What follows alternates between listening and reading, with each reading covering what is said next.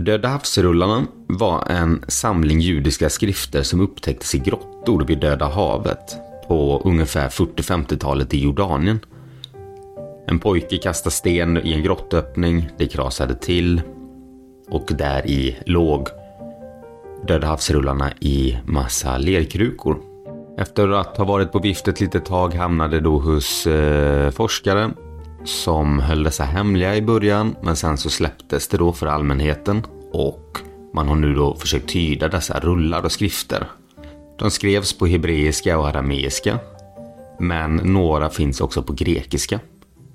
Det är bibliska texter, det är kommentarer, det är salmer, apokryfiska verk och sekulära skrifter. De skrevs mellan 250 f.Kr. och 68 efter Kristus. I de här Döda havsrullarna så finns det då mm, avsnitt som inte finns med i Bibeln men som är um, bibliska skrifter om man kan säga så, fast de inte är med i kanon. En utav dem är bland annat Enoks bok. Och där nämner han några som heter The Watchers. Och The Watchers var 200 änglar som avvek från Guds plan genom att komma ner på jorden där de bland annat eh, skaffade avkommor med mänskliga kvinnor. Änglarna avslöjade också kunskap som var förbjuden. Och eh, det ledde ju då till korruption och vrede från Gud. Teknologin kunde vara astrologi, magi, läkekonst, metallurgi och eh, det är bland annat det här då som Enoks bok ledde fram till syndafloden. Att man rensade bort allt det onda. För det The Watchers var, det var då någon kanske form av änglar eller om man kan säga rymdvarelser enligt den teorin. Det var alltså dessa som gjorde människan lite mer civiliserade. Vi kunde ta hand om eh, växter, djur och vi liksom såg vår plats i universum. Dessa hade namn. Exempel på de namnen är Asasel, Shimhasi, Sariel, Barakel, Gadril, Tamiel etc. Och även om man tror då på Bibeln att det här var då någon form av änglar som dök ner eller om man tror på att det är kanske olika ledare inom eh, utomjordins grupp som var i ett rymdskepp ovanför och eh, kanske gjorde gick lite ifrån vad deras general eller överbefälhavare nämnde.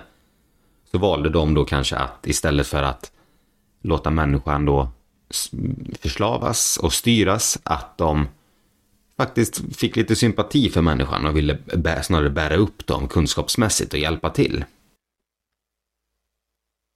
The Watchers kan också i vissa texter och i kulturer då blandas, om de är samma sak, fast med olika namn. Det är då Anunnaki, att The Watchers är Anunnaki. För i olika religiösa skrifter så sägs då även Anunnaki komma ner och lära människor olika teknologier, jordbruk, skrivkonst, hur de interagerade med människor. Och detta var inom den mesopotamiska mytologin. Så då har The Watchers har den bibliska och Anunnaki är den mesopotamiska, men grundhistorien är likadan. De kom ner från himlen, beblandade sig med människorna, gav oss deras kunskap, vishet, lärde oss, berättade för oss. För att därefter så kom då syndafloden, eller en annan typ av liksom förstörelse. Oavsett om vi kallar dem The Watchers eller Anunnaki, så blev avkomman jättar. Detta nämns i Bibeln också bland annat. Och tar vi då i Enoks bok så beskrivs de som gigantiska varelser som skapades när The Watchers hade avkommor med människor. Dessa ansåg enligt texterna vara onda och orsakade då stor skada, vilket då översvämningen kom. Storleksmässigt har de beskrivits vara stora som berg, men det kan också bara vara någon som talat i bilder, utan snarare så beskrivs de om du tar i gamla testamentet till exempel Goliat. Så Hades han var ungefär 9 fot, vilket blir 2,7 meter. Så att där är det då tolkningsfråga om jättarna då pratar vi runt 3 meter strecket. Eller om man pratar stora 30-40 meters jättar. Men vad de flesta kulturer med de här gamla och liknande berättelserna så är det ungefär tre meters människor. De är, de är stora. Det har funnits bevis på att jättar har funnits, men inga av de här bevisen är vattentäta. Det har hittats ben. Det har hittats byggnader som med, med stora dörrar, om man kan säga så, där stenarna är liksom 4-5 meter höga. Det finns ingen anledning för en vanlig människa att ha en sån dörr. Du har bland annat Nefilim-skeletten som påstås ha hittats i Peru. Du har hittat skelett liksom med stora kranier och som är mycket större än vad en människa är. Men då ibland har de här skeletten varit fake. De är liksom påhittade utav civilpersoner som vill eh, vara lite roliga. Ibland så beror det på rena rama missbildningar att du har haft en människa som inte har varit riktigt frisk. Vilket har inneburit att skelettet är på riktigt. Men det är kanske ingen regel utan snarare då ett undantag.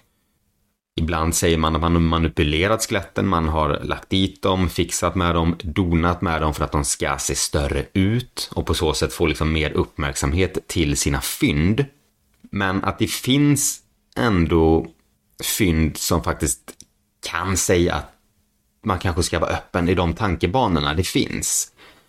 Och söker man lite på nätet och sådär och gräver så ser och hittar man en hel del, men den kommersiella forskningen, där är det liksom att de här har inte funnits. Och hittar man fynd, då måste de vara så vattentäta så det finns inte om man ens ska liksom börja spekulera och rota i det här.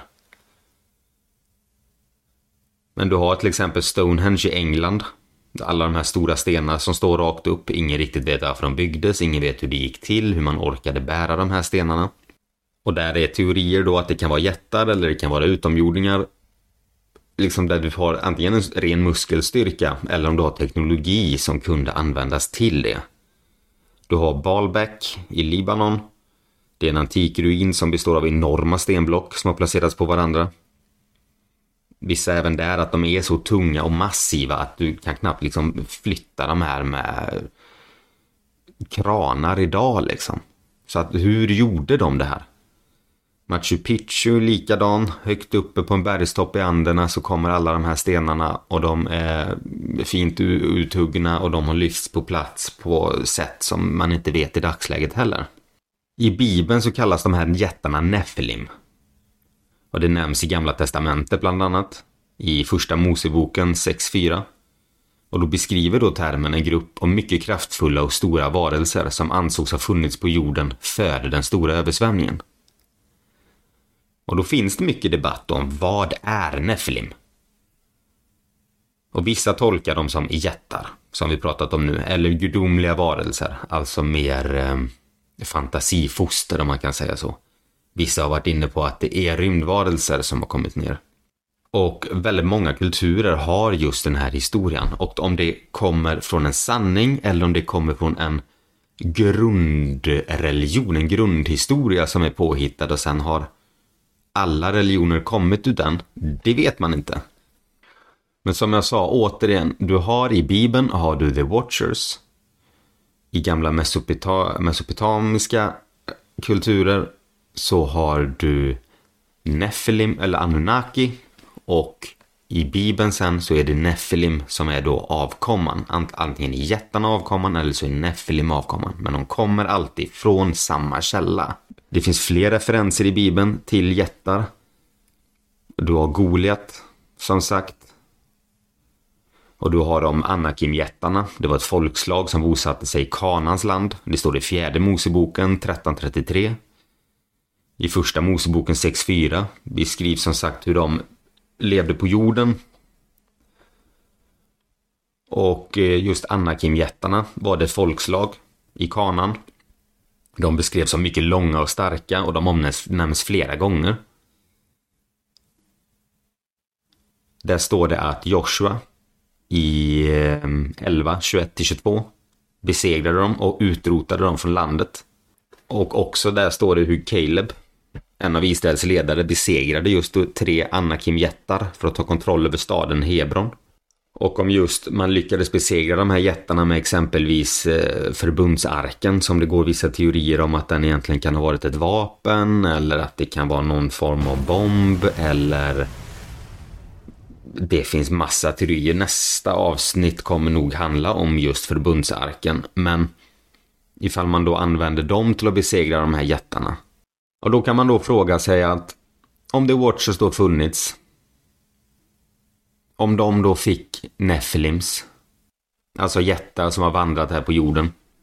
Jättar som har en längd på kanske 3-4 meter har stått för väldigt mycket av kulturen, har haft kunskaper från sina föräldrar och sina tidigare generationer. Byggt fantastiska platser vi har idag. Varav Gud då tröttnade och rensade allt med en syndaflod. Finns det bevis för det, att det har varit en syndaflod?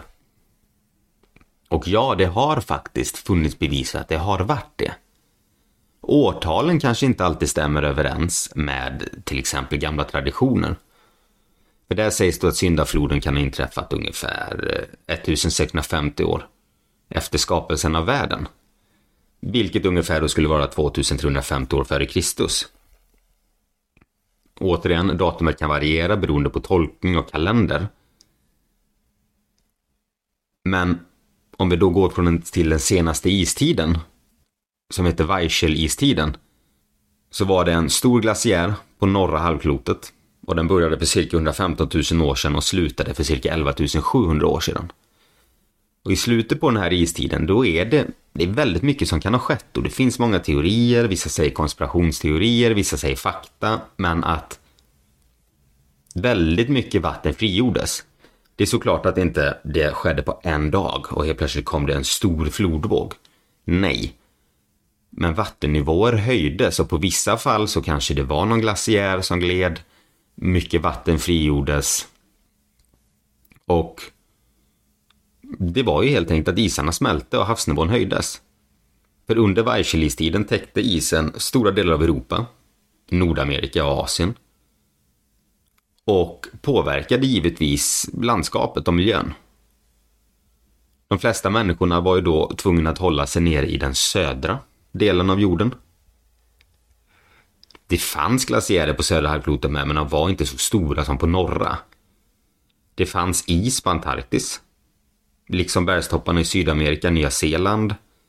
Men det var inte en hel ismassa som täckte till exempel hela Antarktis, utan istäcket varierade i storlek och omfattning under den här istiden. Det fanns inga stora glaciärer i Afrika eller södra Asien. Och det är ju här mycket av de här kulturerna utspelar sig. Och då kommer då det, de här teorierna.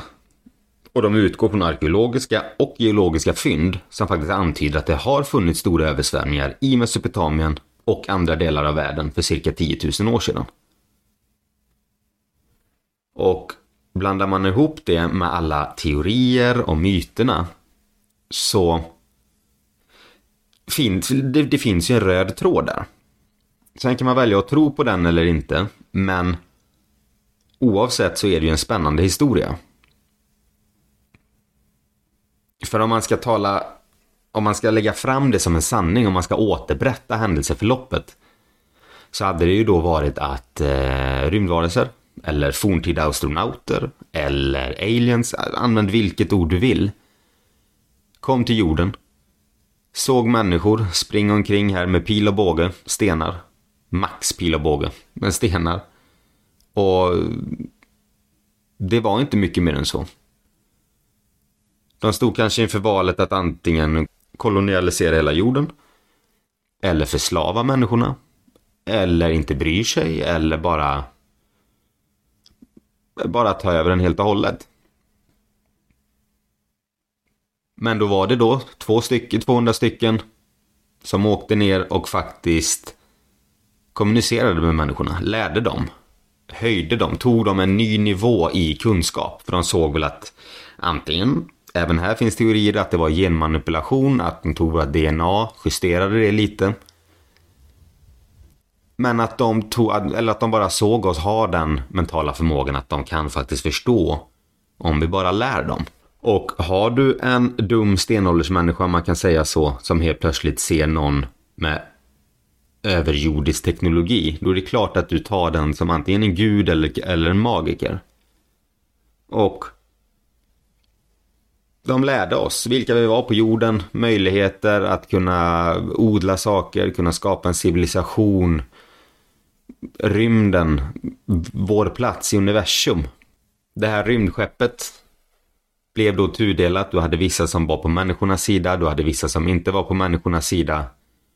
Och syndafloden kom. Och det vi ser idag, det är rester från den gamla civilisationen av där jättar fanns. Kunskapen levde kvar. Byggnaderna fanns kvar. Människorna flyttade in i de här byggnaderna igen och tog således äran av dem. Det är en teori.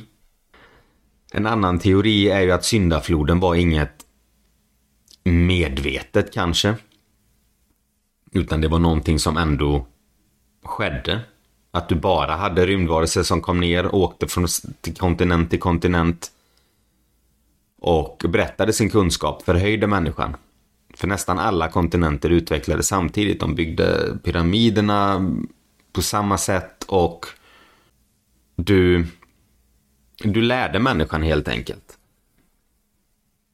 Och att syndafloden snarare då bara var översvämningar från istiden och glaciärerna.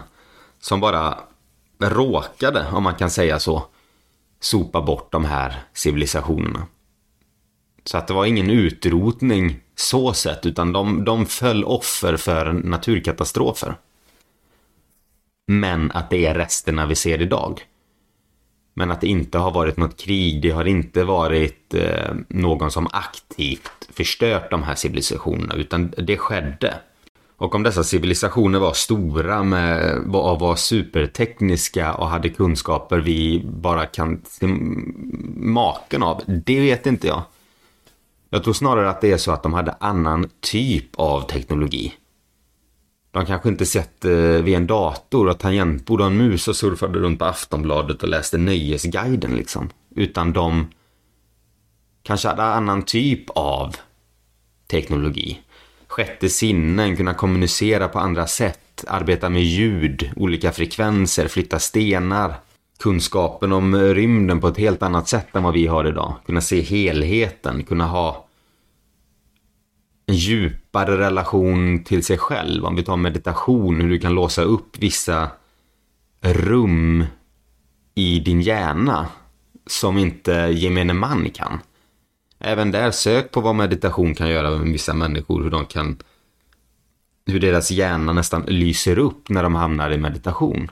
Jag tror att det finns så mycket vi inte vet och så mycket teknologi som finns där ute som man är så formad i våran nutida teknik idag. Det är tv-apparater, det är snabba bilar, det är en rymdraket. Men du kan också ha teknologi som går inåt, inuti kroppen, arbeta med mentala tankar. Du kan ha Alltså man kan säga vad som helst. När jag var liten så tänkte jag så här om det fanns en tidigare civilisation varför ser man inte spår av dem då? Du borde ju se de måste ha kommit på olika material som skulle funnits för alltid. Och så sitter man och ser sig om i dagsläget. Om man hör var dag klimatkatastrof och klimathot och det enda det forskas på det är egentligen att göra material så hållbara som möjligt. Du vill ha ett sugrör som bryts ner så kort tid efter användning som möjligt. Du vill bygga med trä för att du vill inte att det ska stå kvar för länge och liksom kosta alldeles för mycket på klimatet. Utan du använder hållbara material. Och allting människan kommer på i dagsläget i stort sett det bryts ner, men efter olika lång period. Sten gör inte det. Och så hade det kunnat vara då med. Du har stenen kvar. Efter många, ett, ett nytt hyreshus på eh, 40 våningar i betong och trä och glas. Det kommer försvinna. Det kommer inte synas ett spår av det där efter några tusen år. Medan om du har ett, eh, ett litet hus på landet som har torpargrund. Om inte någonting skulle ske så kommer de där stenarna vara kvar några tusen år. Så att allting och tankarna bygger väldigt mycket på att man, man är så informad på dagens teknik att man inte kan se en annan väg i evolutionen. Så därför är det väldigt spännande att se det där. För antingen så tror man att alla de här kulturerna, allting sånt här, det kommer från en enda historia. Och om den är sann, ja, då får vi ju skriva om våran historia. Men är den falsk, då är det bara en historia som den har satt spår på mänskligheten. Och ser man det som att alla de här historierna kommer från olika platser, men ändå är själva basen densamma. Ja, kan det då vara en lögn? Om alla de här kulturerna säger att det kom ner Star People finns. Och det finns massa olika beskrivningar. Hur man kommer ner i man kommer ner från rymden med eld och, eller från himlen med eld och det, det. Och man får kunskap från de här, man det fiska, man sig fiska och odla och det är spännande, det är fascinerande. Och det är ju egentligen bara titta på Bibeln idag. Byter man ut Gud mot en rymdvarelse. En överbefälhavare, en president, en kung. En ledare för den här gruppen. Så blir historien helt annan och någonstans så blir den ju någonstans mer trovärdig. Men ner från himlen, 200 The Watchers eller Anunnaki som de kallas i andra enarna i Mesopotamien. De fick barn med mänskliga kvinnor och då skapades Nephilim som det står i Bibeln eller jättar som de beskriver i andra kulturer. Kunskapen fanns här. Det blev en syndaflod för att börja om på noll. Teknologin fanns kvar, spår av byggnaderna fanns kvar. Och eh, här är vi idag. Och har helt andra teorier om vad som hände. Svårt att veta vad som är sant och riktigt, men oavsett så hoppas jag att ni har uppskattat dagens avsnitt. Alltid kul att låta tankarna vandra iväg. Kolla upp sånt ni inte undrar, eller sånt ni undrar. Det finns väldigt mycket av det som spekuleras om sånt här är rent hittepå. Det finns mer sanning i vissa saker än andra och det här är intressanta, roliga teorier som jag ändå tycker är lite värt att tänka på och fundera på ibland. Nu får ni ha det bra så länge, så hörs vi nästa avsnitt. Som då tänker handla om förbundsarken. Ha det bra. Hej!